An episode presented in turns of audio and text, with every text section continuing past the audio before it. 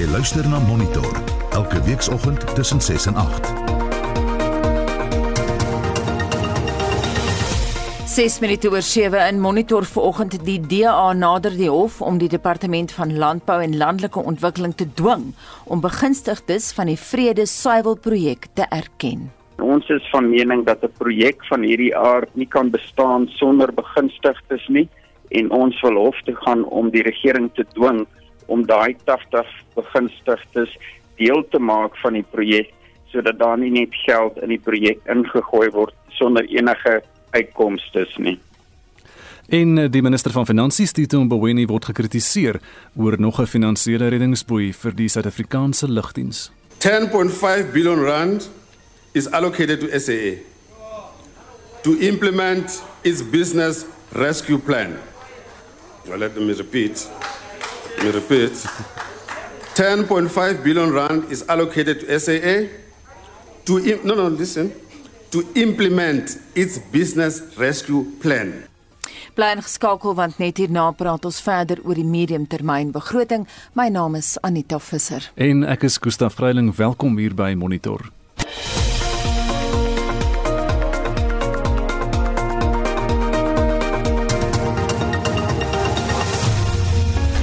11 minute oor 7 hier by Monitor op RSG en eh, vroeër vanoggend het die oppositiepolitici nou die kans gekry om 'n kommentaar te lewer op gister se mediumtermyn begrotingsrede en nou is die ekonome aan die beurt om minister Tito Mboweni se rede te ontleed. En ons praat uh, nou met Dr. Christie Viljoen by PwC. Goeiemôre Christie. Goeiemôre. En Mike Schuessler van economist.co.za. Goeiemôre Mike. Hoi. Mike, ek wil begin by jou. Ons het vroeër vanoggend gehoor hoe Jordan Hill Lewis sê dat SAL 10,5 miljard dis immoreel en dit is 'n klap in die gesig van die armes. Hoekom so baie geld vir SAL? Ek dink dis 'n politieke besluit natuurlik. Ehm um, die feit van die saak is die lugredery bestaan en dit lig nie meer nie. Nou bou ons maar nuwe ene en ons moet nog van die ou skuld terugbetaal. Ek dink as ek uh, reg het, uh, het ons oor die 50 miljard in die laaste ek dink 10 of 11 jaar ehm um, gegee vir SAL. Ehm um, dit is 'n baie groot bedrag geld uh, met om dit in perspektief te stel. Ek dink die totale beurse wat ons gee vir naskool uh, opleiding in universiteite en uh, colleges en dis meer is omtrent daai bedrag uh vir hierdie jaar gewees. So 'n mens kan sien hoeveel geld Israel kry in terme van die hoeveelheid mense wat gaan werk by Israel, dis 'n paar duisend. Ehm um, terwyl jy van ehm um, waarskynlik so rondom 100 000 praat as jy praat van uh die die aantal studente. So jy weet ek ek dink dit is 'n uh, 'n uh, 'n bietjie van 'n immorele saak. Ek is nie hier om hier posisie op te uh uh uh blaas nie, maar ek dink die die die feit van die saak is dit is absoluut uh baie groot ehm um, bedrag geld wat ergens anders kon aangewend word. Christie? Ja, ek moet met Mike saamstem. Uh dit is duidelik 'n politieke besluit geweest. Die finansiesminister het dit duidelik gemaak die kabinet het die besluit geneem. Um hy was al dit is baie duidelik dat hy al baie gekant was teen die idee dat staatsinstellings soos SAL voortdurend geld moet kry en hy het natuurlik gister weer sy stem dik gemaak om te sê dit kan nie vir ewig so aanhou nie, maar dit is een van die faktore waaroor hy nie noodwendig veel beheer het nie. Die die besluit word op 'n kabinetvlak geneem en dit dwing hom om geld te kry op ander plekke. Uh van die oppositiepartye, provinsiale regerings het nou sê dit gister gekla dat van hulle begrotings word teruggesny om nou hierdie geld vir Israel te vind. En ek dink die bekommernis is wanneer jy begin kyk na die syfers van hoeveel minder geld beskikbaar is vir onder andere gesondheid en onderwys waar ons letterlik moet dink dat in plaas van dat ons medisyne en handboeke koop, gaan daardie geld nou na 'n staatsinstelling wat vir 'n baie baie lang jare nie finansiëel suksesvol was nie. So dit is regtig 'n bekommernis dat dit ten spyte van die die penarie waarin die fiskale uh, kom ons noem die skatkis is, uh, is daar nog steeds geld wat moet gaan na sulke uitgawes. Maak net om vir 'n oomblik stil te staan by die SAL. Wat maak 'n mens uh, wanneer die regering het 'n verantwoordelikheid teenoor al hierdie staatsondernemings en dit sluit natuurlik ander ook in soos die poskantoor wat baie meer dienste aan gewone mense lewer, maar die kritiek is altyd hulle moenie hulle reddingsboeye gee nie, maar wat moet hulle maak? Wat is die alternatief? Wel, jy moet uh, die regte bestuur kry en nie uh kadres aanstel nie en dan moet jy besluit wat is die moeite werd is om te ondersteun want dit lewer 'n diens. Met ander woorde, ek sou sê daar's 'n baie beter saak te maak om die poskantoor te red. Uh ek dink daar's 'n baie beter uh, uh saak te maak om uh byvoorbeeld uh, Aksa wat uh, die lughawens wat nou ook 'n probleem met uh uh, uh geld te gee want hulle was voorheen suksesvol. Ehm um, die Israel was nie suksesvol nie. Ehm um, dit uh, dit uh, vir verskaf uh, dienste aan die die die ryk hmm. uh uh parlementêre mense as dit sou wil stel en dit is 'n ego besluit ook. Jy weet so ek dink die die die die probleem is ons moet eintlik 'n stelsel baie vinnig kry waar volgens ons uh uh verdienstelikheid van staatsondernemings beweeg.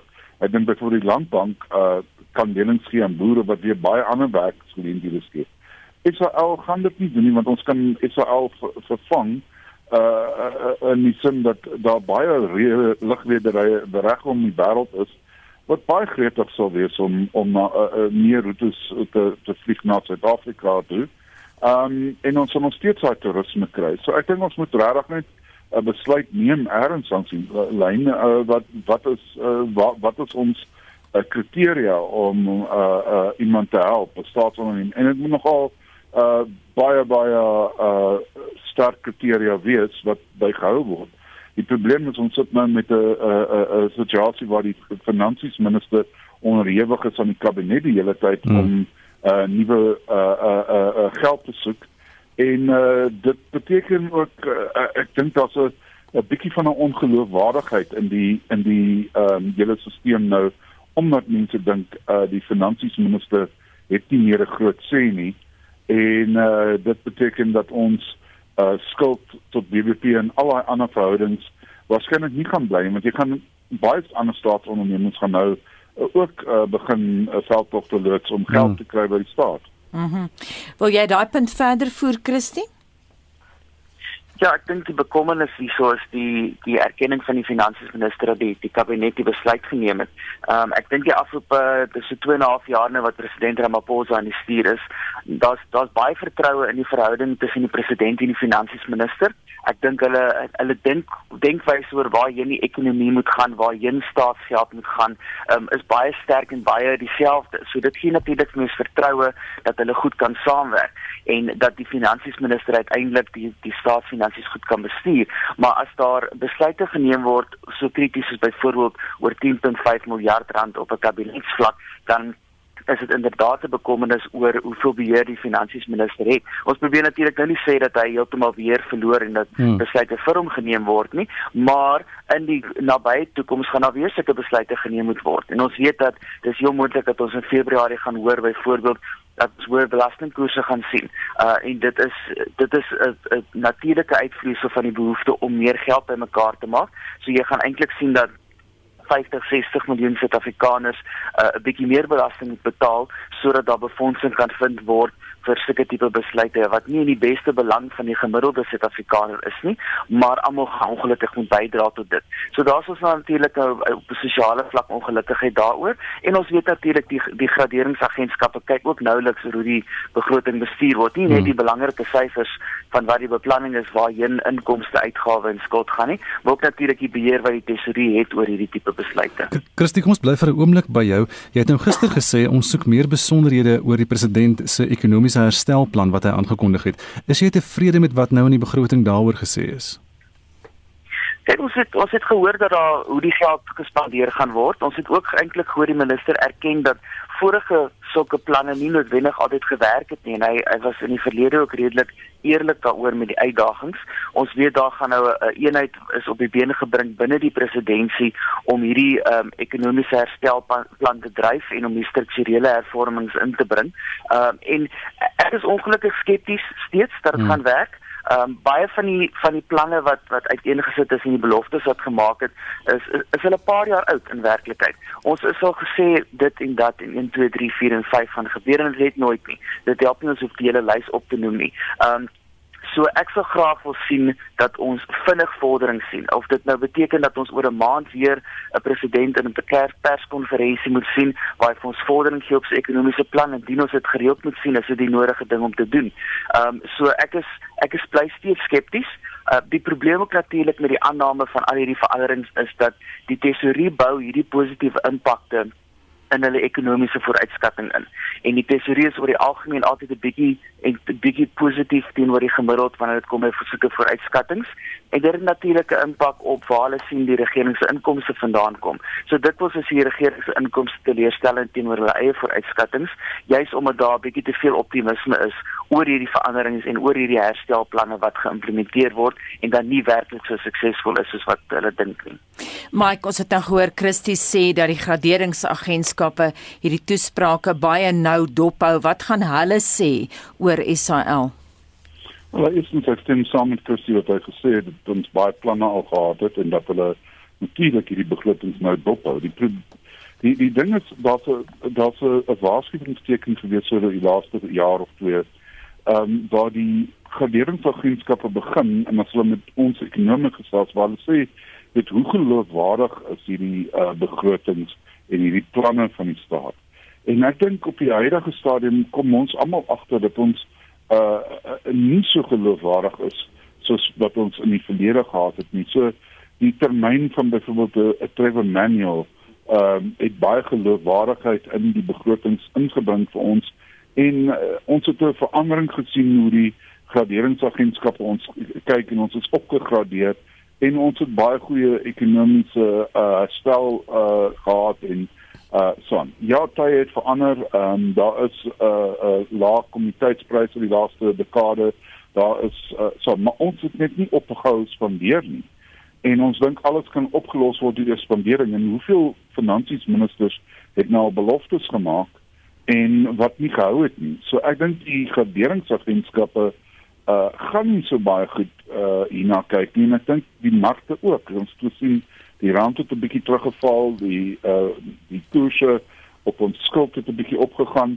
Ek dink die die die feit van die saak is dat daar is al reeds 'n uh, 'n uh, tipe van ingeboude nie geloofwaardigheid uh, op die huidige stadium wat ons begin al meer sien en ek dink dit wat die regeringsagentskappe ook gaan begin sê en sê maar julle dit en dit vir ons verlede keer beloof maar julle dit en dit vir ons beloof uh, wat maak hierdie anders en ek dink dis die groter probleem hierso dit is heeltemal reg dat die regeringsagentskappe hierdie hele situasie baie noukeurig dophou Mike, jy is nou 'n man vir die syfers en die statistieke. Was die vooruitskatting vir die begrotingstekort en die staatsskuld in lyn met die verwagtinge en wat van hierdie ding wat hulle dit nou oor 5 jaar gaan bereken, nie meer oor 3 jaar nie? Ja, kyk ek ek sou so sê die die die verwagtinge ek gesien het so rondom 16%. Ehm um, wat die ehm um, tekort gaan wees.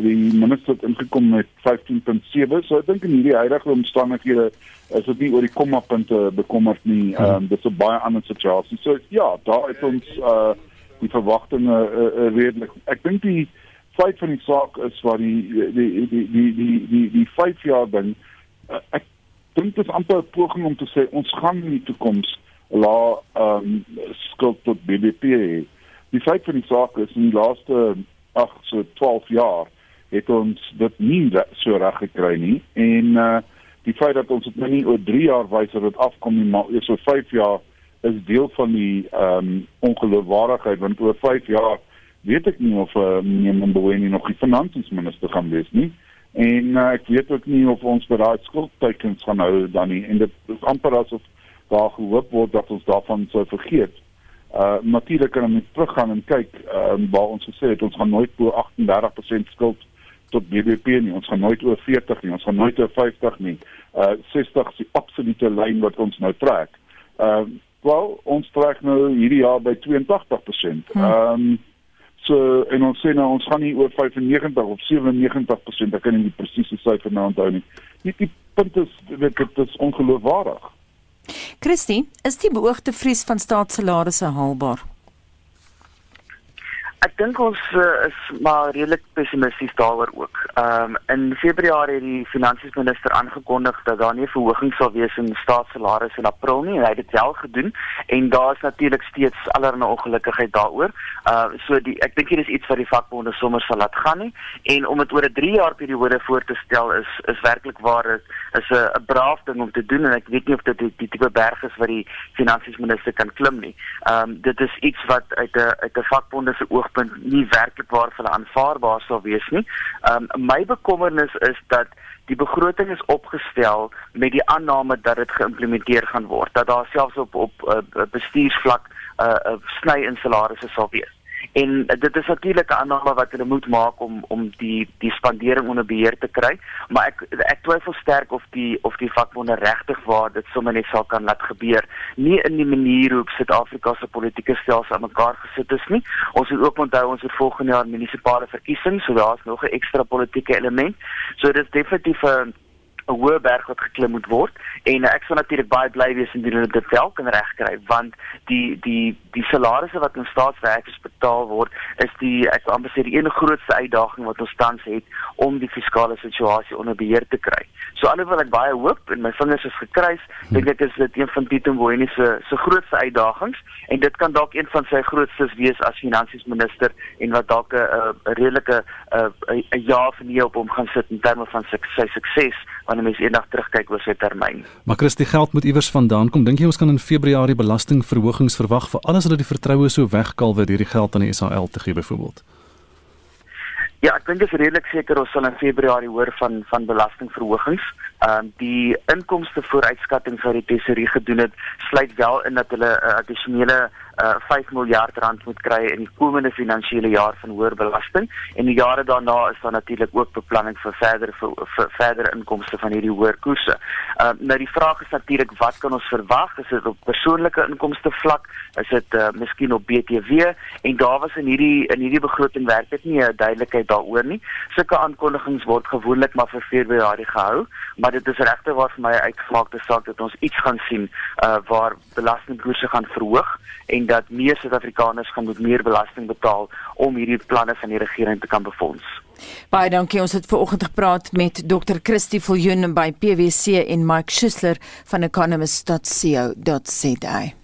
Dis nou so 27 minute oor 7 is ingeskakel hier by Monitor op RSG.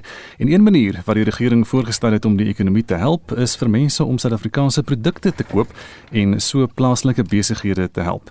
Dit kan werksgeleenthede help beskerm en dalk nuwe geleenthede skep. En ons praat veraloggend hieroor met Proudly South African se hoof van strategie en betrekkinge met belanghebbendes, lang titel daar Janine van Straaten. Goeiemôre Janine.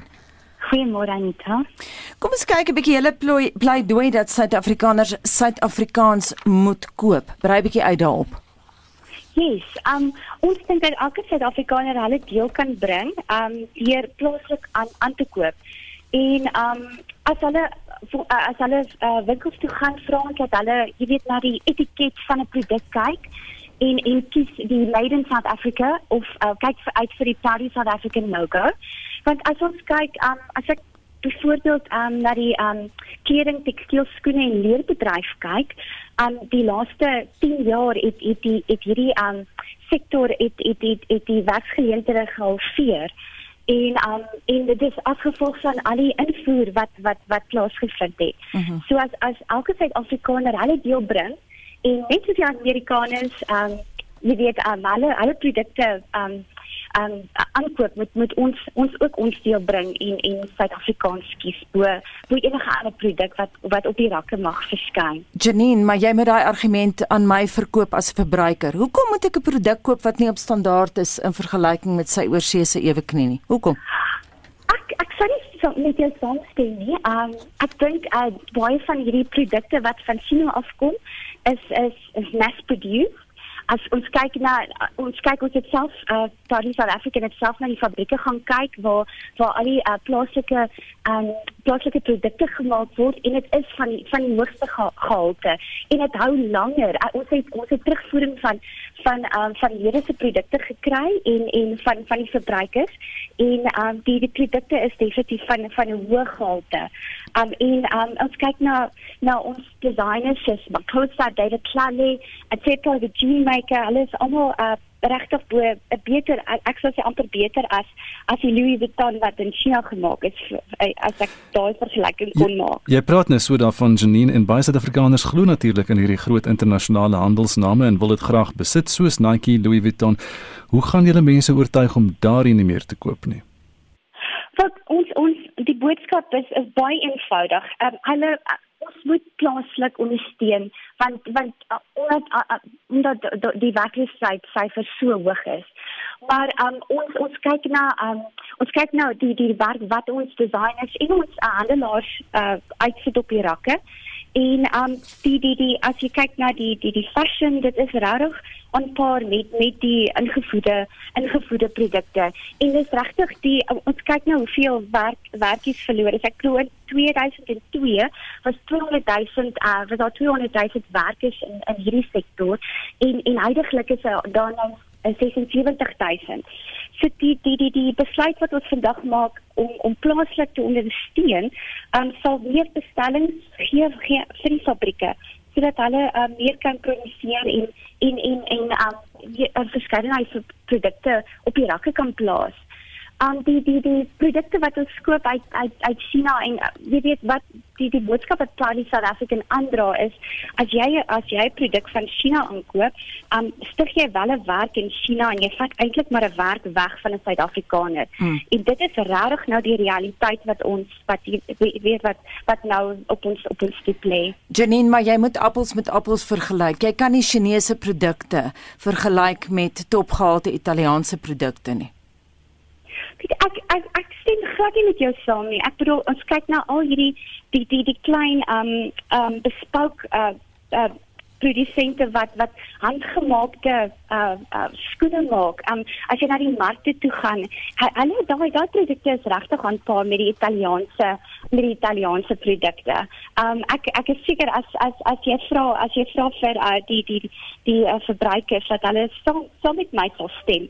Ek ek myself ek myself um toe toe ek baie jonger was, het ek regtig ook so so geglo, maar mm -hmm. maar um maar maar maar met met my aankoopgewoontes te verander self, kan ek regtig aanbeveel dat dat ons produkte regtig van die hoogste gehalte is. Ons sien dat ons uh, ons produkte op die op die um op op op, op, op die New York um fashion shows is in in mense soek Suid-Afrikaanse produkte uit. As ek dink aan al die valleys wat die Amerikaners ja. dra, die Celeste dra die valleys uh, wat in Suid-Afrika gemaak is.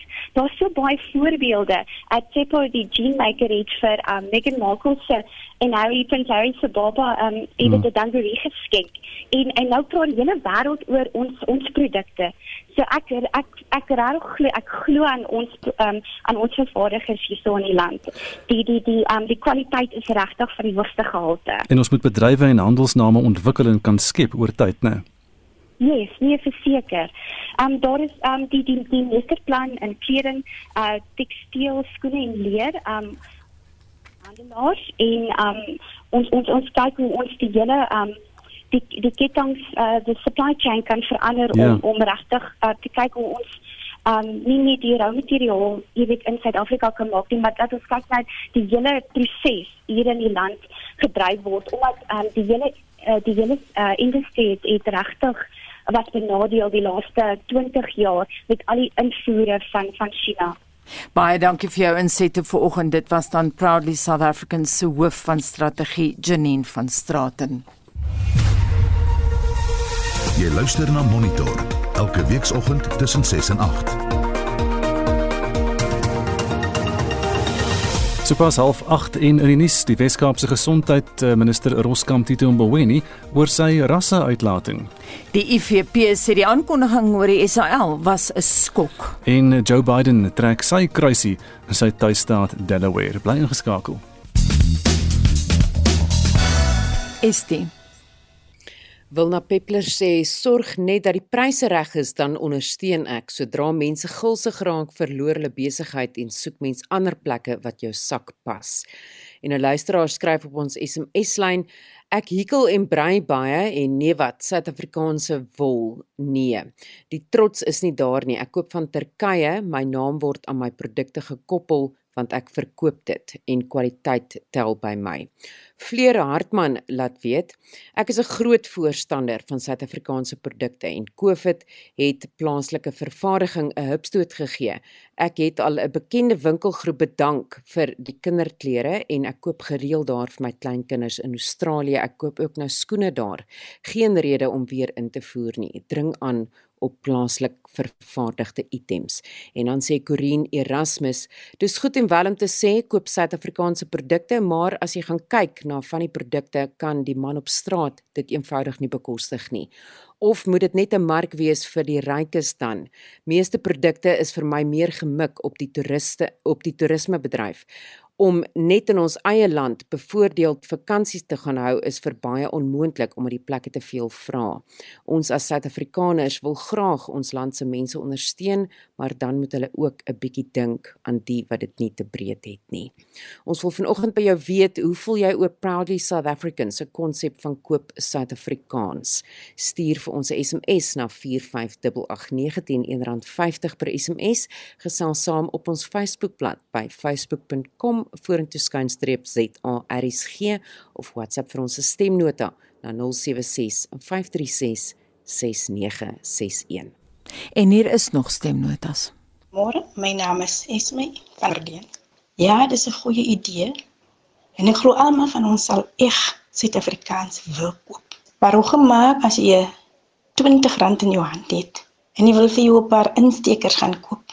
En al wat in jou dorpie binne jou bereik is, is 'n kettingwinkel wat dit aan jou kan verskaf wat van Chinese maak is. Almal vir almal is dit nie beskore om eg Afrikaans te kan koop nie al wil hulle graag. Ja, STS later voor agterug met nog terugvoer van jou die luisteraar. Eskom berei sy volgende elektrisiteitstarief verhogings voor as tariewe wat die kragvoorsieners se koste sal weerspieël, so sê die energieontleder Ted Blom in die tydskrif ESI Africa. En ons praat nou met hom daaroor. Goeiemôre Ted. Haai, goeiemôre. Hoekom sê jy so? Ja, ehm um, die regter het self gesê dat hy soek nou kosteverhogings of tariefverhogings van uh, ten minste 25% per jaar. Uh juis om hulle koste te dek. Uh, en hy dink dit is geregverdig. Nie teenstaande die feit dat Eskom 'n monopolie is. Het geen uh, uh markweerstand nie en uh, terselfdertyd terwyl hy dit nou aanvra erken hy dat hulle oneffektief is, hulle is oortallig en daar's nog steeds massiewe korrupsie. So in my is is ek dit saamvat dan is dit baie maklik. Uh, hulle verwag ek en jy die verbruiker moet meer betaal om hulle oneffektiwiteit en korrupsie te befonds. Hulle is nou in 'n gat, hoe kom hulle daar uit? Uh en dit is baie maklik. Ek, ek vra al 10 jaar lank vir 'n forensiese ondersoek. So ondersoek, ek kan jou waarborg, gaan ten minste 400 biljoen rand se oneffektiewe en en en ongeruimdhede uitwys. Baie maklik, 200 biljoen op Medupi en 200 biljoen op uh, Kusile en nog so 30 biljoen uh, by by Ingula. Dis boonbehalwe al die ander ou kragstasies, die dieselverkope, aankope en dis meer. Ek kan jou waarborg dat as hulle 'n forensiese ondersoek doen, gaan jy ten minste 400 biljoen kry wat jy kan afskryf van hulle skuld af en dan sit Eskom in 'n baie gemaklike uh, situasie.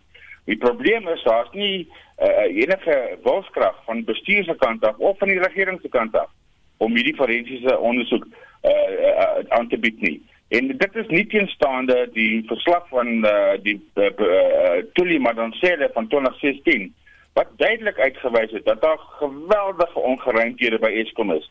Nou is jy uh, geweldige simptome van siektes en goed het, dan gaan jy dokter toe en jy doen 'n diagnose.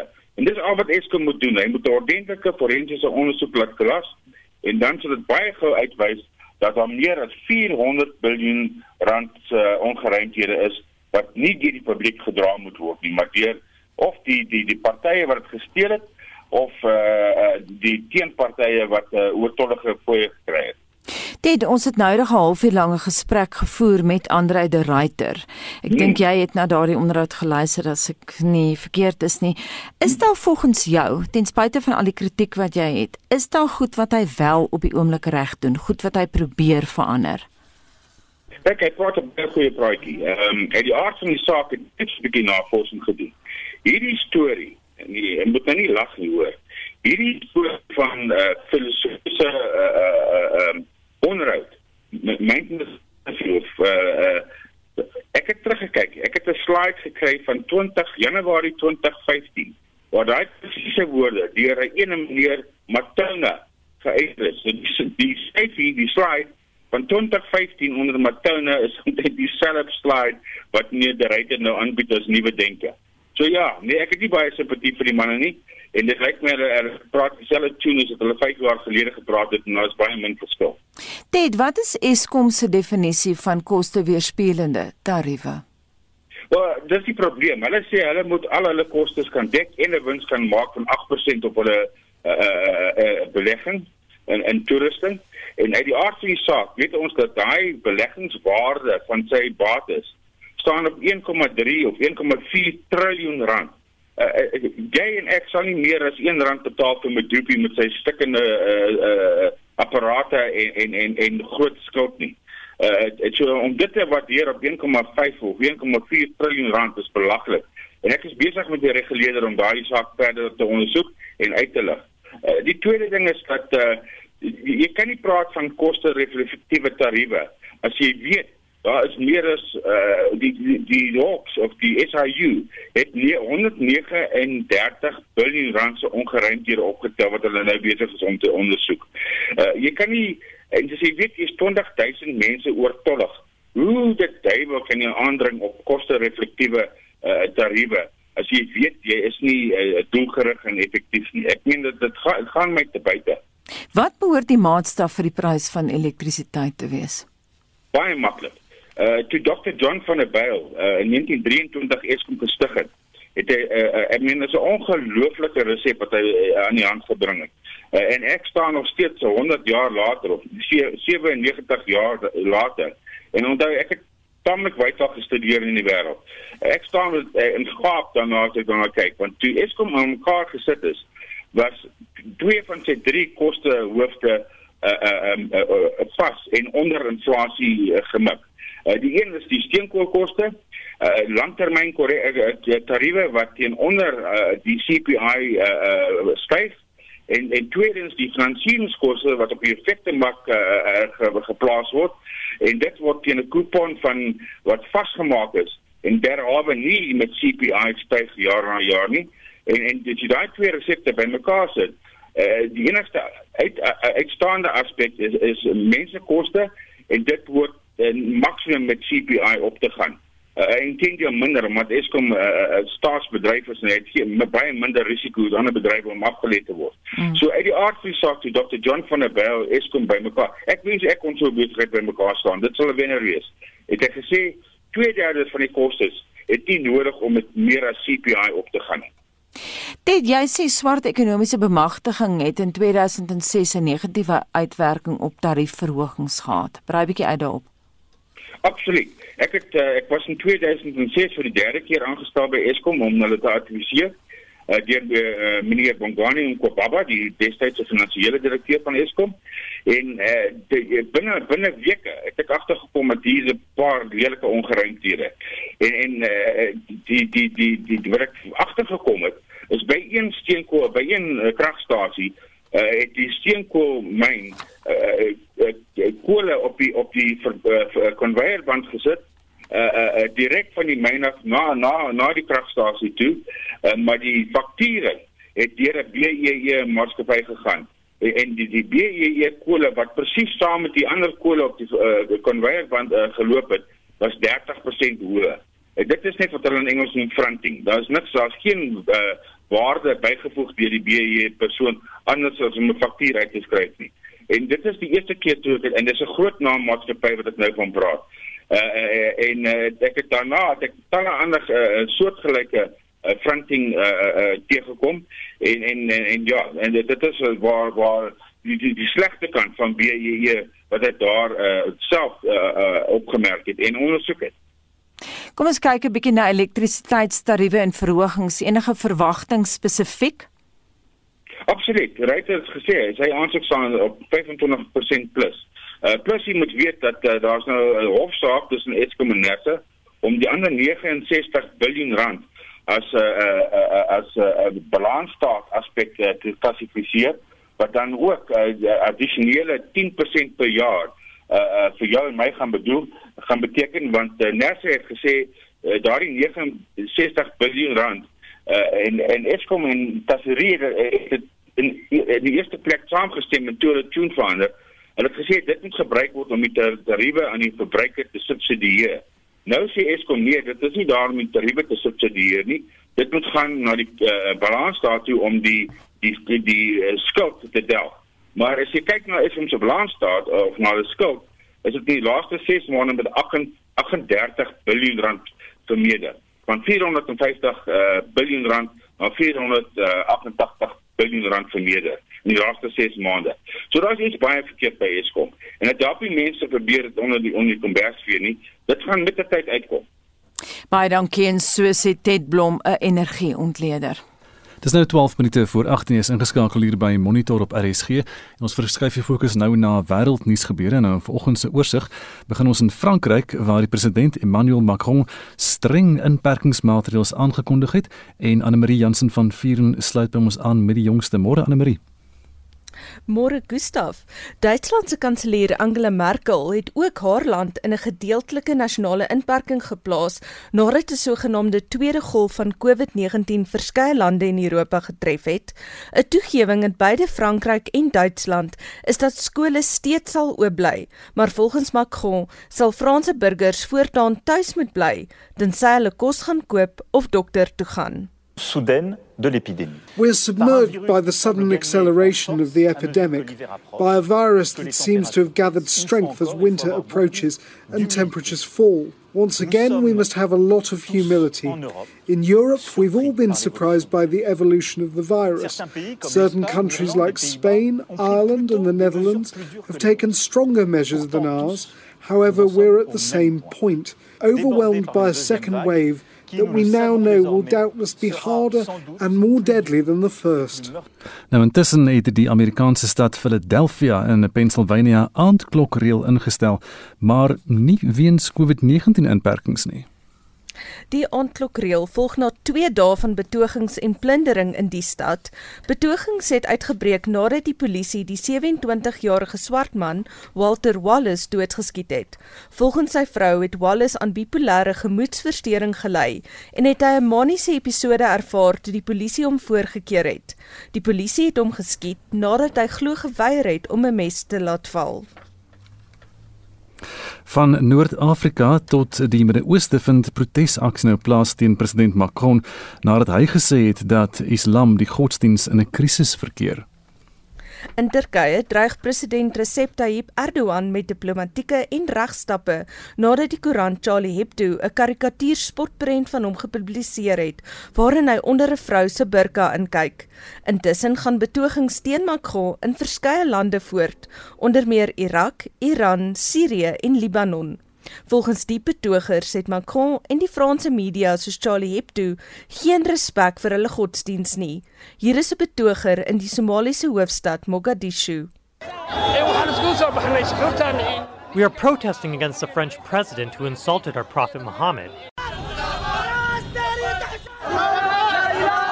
We are marching. We are burning the French flag. We are full of emotion. In Bangladesh se hoofstad Dhaka het 10000de betogers met dieselfde boodskap na die strate gevaar.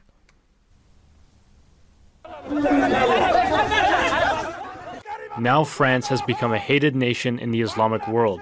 We want to say if Macron does not stop the cartoon, the world will boycott them.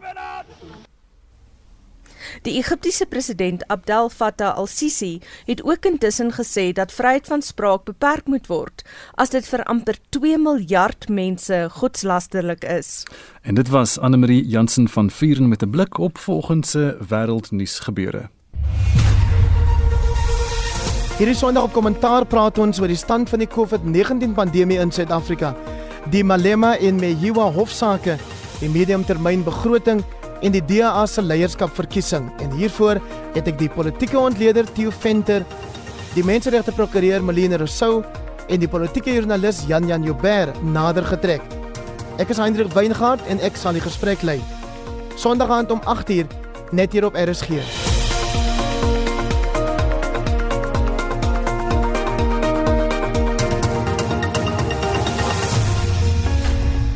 Byna 3 jaar lank maak Yoshi, die legendariese skilpad, opslaa dwars oor die wêreld, maar ons het geweet die dag sou aanbreek dat die sensor, sensor wat sy dra, die laaste uitsending sou stuur.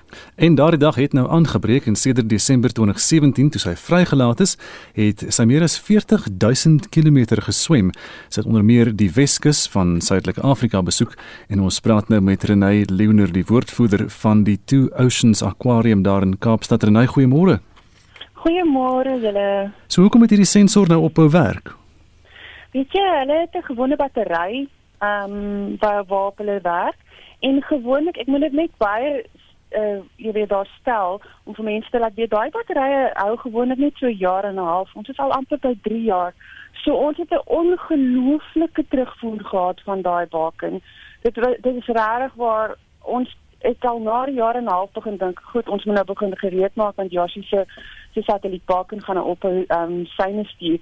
En dit nou amper 3 jaar, né? Desember is dit 3 jaar. Mhm. -huh. So uh, ons is baie gelukkig. Renai gee vir ons 'n bietjie agtergrond luisteraars wat dalk nie die storie gevolg het nie. Joshi se geskiedenis.